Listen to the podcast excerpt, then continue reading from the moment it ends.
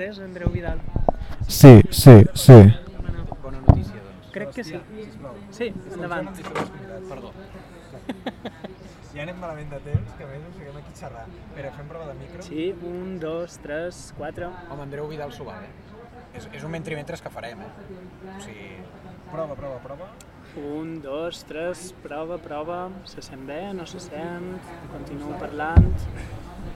Jo parlo una mica fluix a vegades, vull dir, no sé si... I així en general, sí, sí. Tu ets el número 2.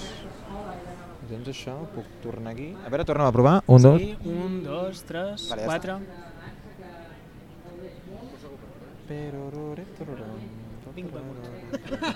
De casa. Perfecte. Tu no volies res, no?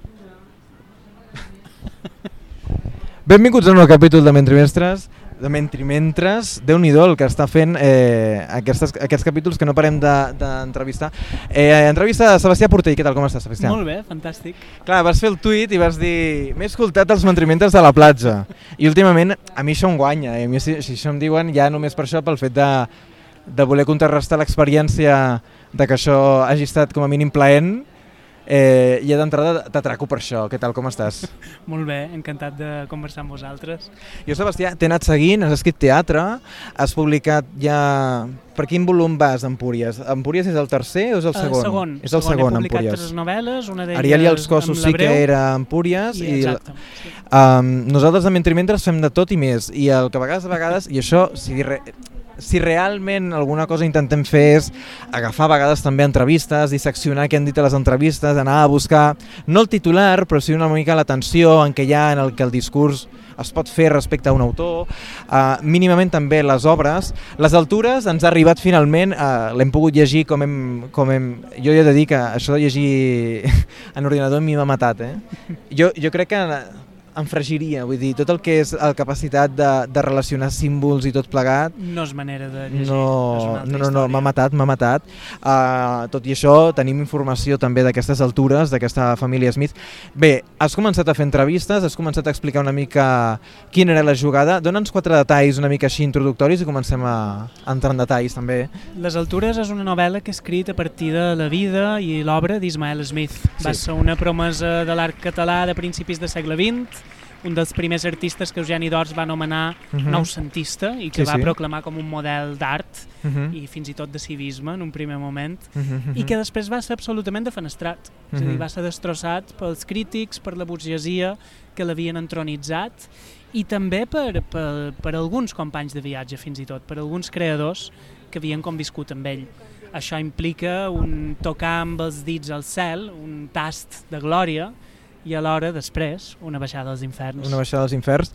Eh, això d'alguna manera és l'entrada en aquest llibre. Deixa'm dir, si podem fer una mica l'atenció, ho dic perquè a la dimensió sexual també hi poses una mica l'accent no?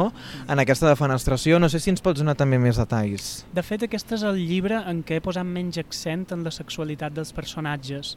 És un repte que em vaig proposar per marcar una certa diferència amb la resta de la meva producció i també perquè no volia trair la figura de Smith. M'explic. Smith és una figura, i també la seva obra, deliciosament ambigua en termes de sexualitat i de gènere, també en altres sentits, artísticament i formalment, però en el pla sexual i de gènere és una figura molt ambigua. I, uh, I un dels reptes que em vaig marcar amb la novel·la era no marcar-la. És a dir, en cap moment és una figura que s'arribi a definir, que arribi a, com dir a consumar el seu desig, a manifestar-lo verbalment, com aquell qui diu. És veritat que hi ha jocs, és veritat que hi ha aquest coqueteig constant amb el dandisme, Mhm, però, però de fet és dels llibres que he escrit en què menys pes he donat en aquest aspecte.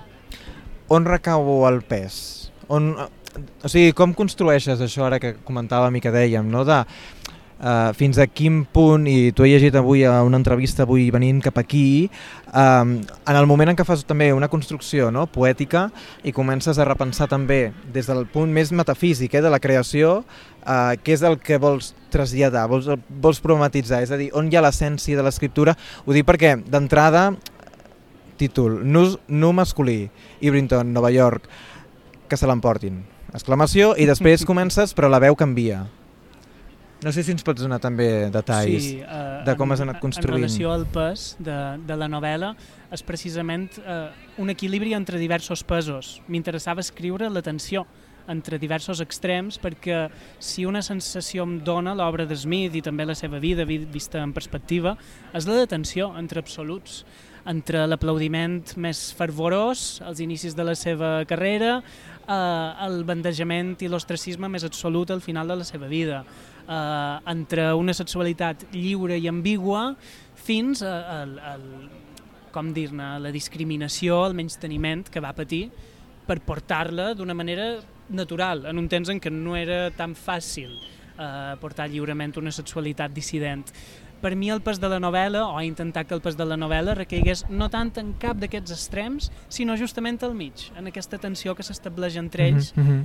Per, per mm -hmm. això, per, perquè Ismael Smith per mi és un artista, encara que soni atòpic, però és que és un cas, és un artista de clar obscurs, és un artista ple de matisos, ple de tensions, i per això també aquesta diversitat de, de punts de vista que té la novel·la. La novel·la s'inicia amb aquest nu masculí, mm -hmm. cada capítol té el títol d'una obra seva, i no masculí, que és el primer, eh, parteix de la veu d'una veïna que Smith té a Irvington, a un barri residencial a l'estat de Nova York.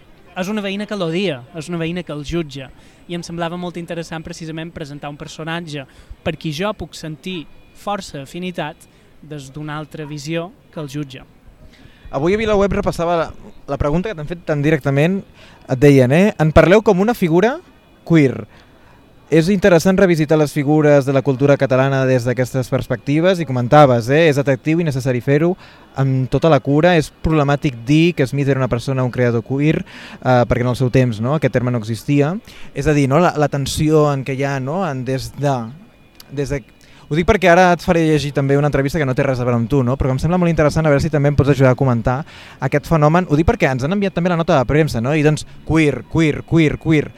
Eh, d'alguna manera, quin és l'ús que se'n fa o que estan fent no? des de la premsa quan se li apliquen totes aquestes eh, etiquetes, però amb quina voluntat d'encasellar l'obra és literatura queer? Ho dic perquè jo llegint-la eh, estava pensant, bueno, clar, tu ara em comences dient no he volgut posar sexe, jo li dic, home, doncs departament de premsa de grup de 62 eh, coi, quina nota de premsa. Ja m'imagino, la, la, núvol repartirà també, farem F5 cinc vegades la paraula queer.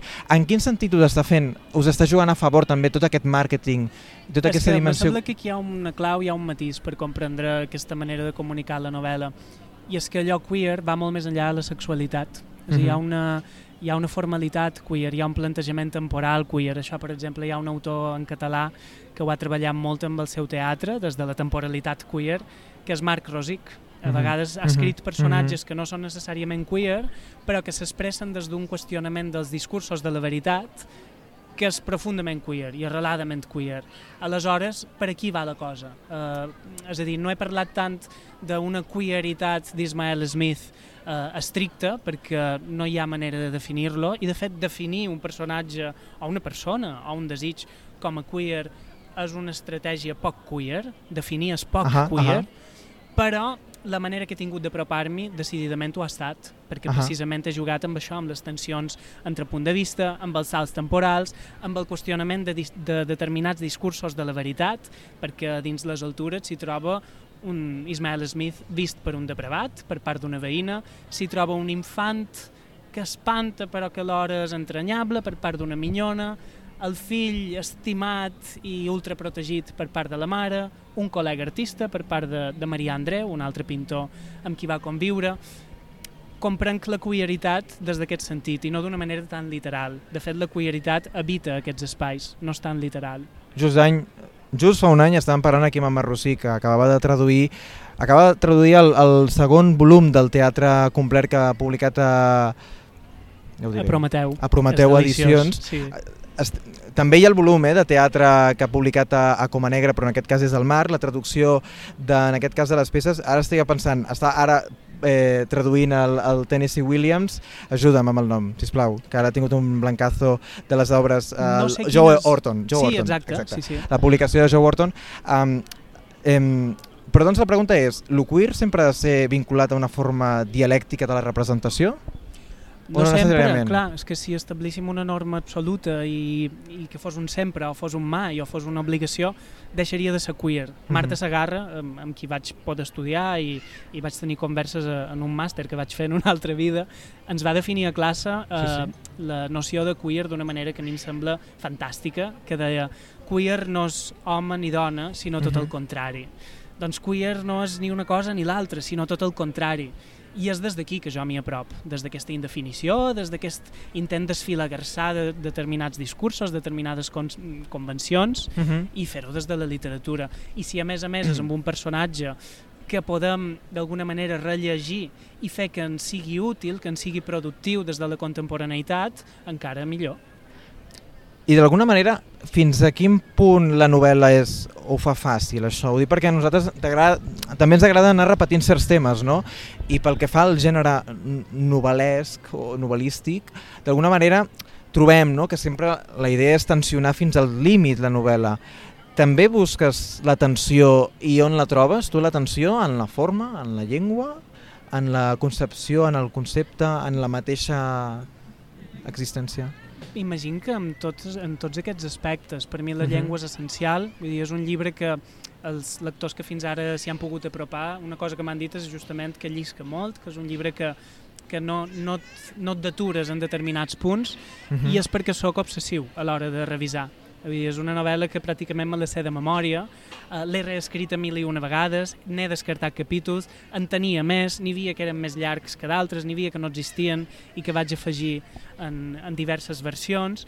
Per tant, la llengua per mi és un component essencial. A més, he fet un treball en la llengua a cada capítol intentant suggerir determinats universos del període en què té lloc cada, cada capítol, cada part del llibre, però no només. Vull dir, per mi també l'atenció a les altures és en els punts de vista, eh, que pens que d'alguna manera, o si més no és aquest el meu objectiu, obliguen el lector a posicionar-se davant la figura d'Ismael Smith. Com et posiciones davant un senyor que s'exhibeix nu davant els seus veïns, però també davant menors d'edat? Com et posiciones davant un infant que neix en una casa aparentment desgraciada? Com et posiciones davant un fill que sembla que no ha estat capaç de fer cas a ningú ni de mantenir cap relació estable, saludable amb, amb altres persones?